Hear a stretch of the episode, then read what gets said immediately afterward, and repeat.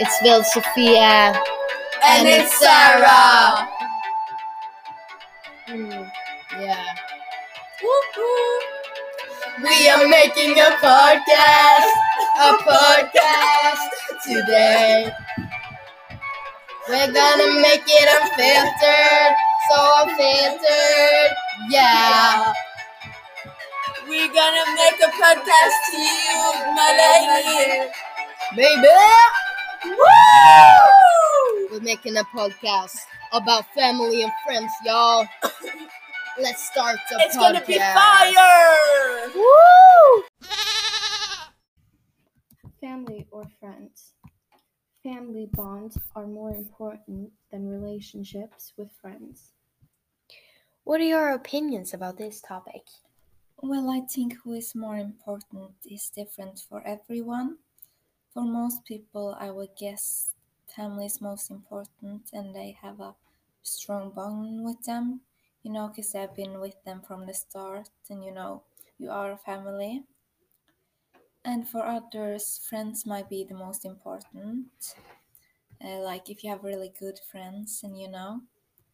And for some people, they don't have really good family and so the friends can be kind of like family by heart Yeah.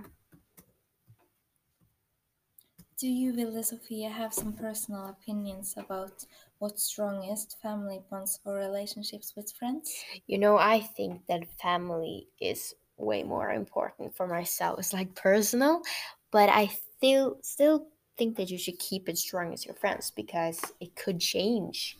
You know, it it's not everything that you can talk to your family that I can talk to my friends or you guys. So it's yeah, as we saying that it depends. But for me, I think it always would be family that it's most important. What do you think, Sarah? Do you agree with Vilde Sofie?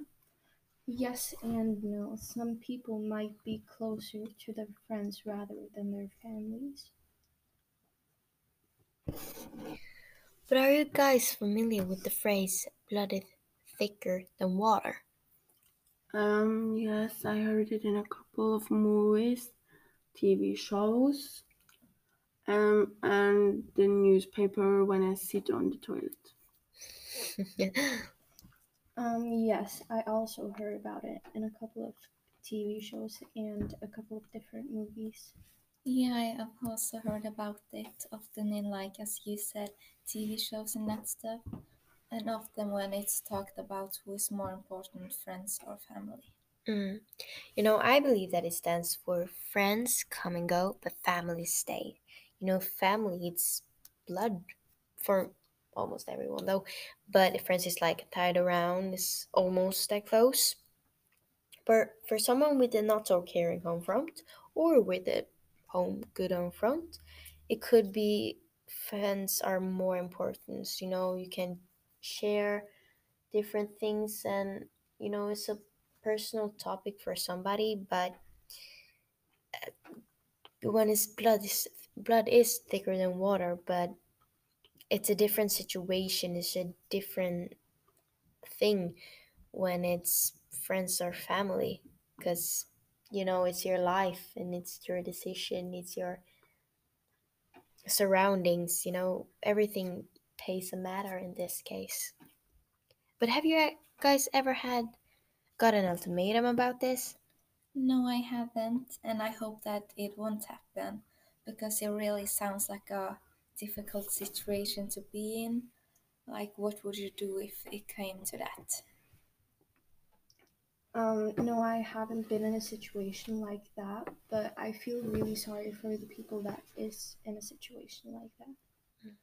Um, no, I haven't. Do you think that it's kind of op- it should be open to talk about this? Is it really private? Is it rude? Like, I think it's an open conversation, yeah, and it really depends on the person. Yeah. Because some people like to keep things private, and some people like to be really open about it. yeah. Do you agree it's very real? Mhm. Yeah.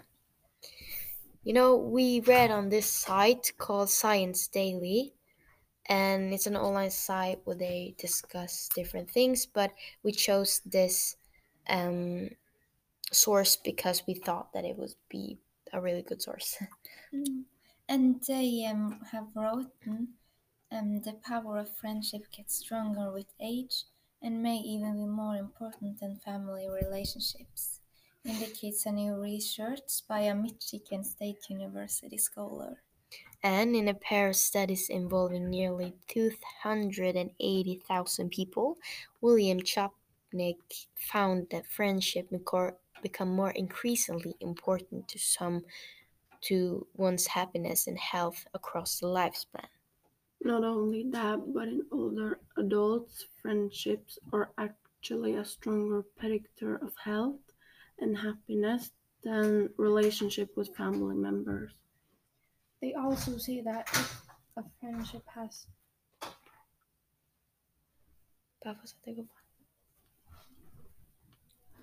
They also say that if a friendship has survived the test of time, you know it must be a good one. A person you turn to for help and advice is often a person you wanted in your life.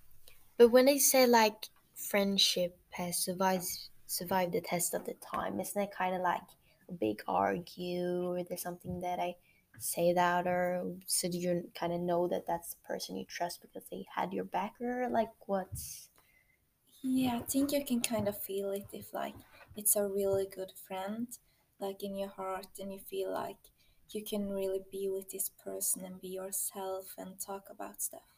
Yeah, that's a really good point. But let's cut to the chase.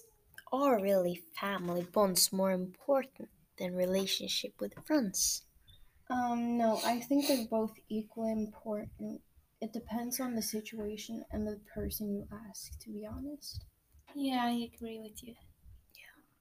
You know, I still think that family more important, but maybe I don't think the same about three years, about 10 years. Maybe mm-hmm. I'll trust more friends and they mean more important to me. That's it. I don't know where the relationship is gonna go. Do you have anything to add or like I think we all agree, Yeah. kind of. We're like, yeah, no. Mhm. But thank you for uh, watching this podcast, and we're hoping that you like it. Um, thank for watching. Bye, Vilde Sofie.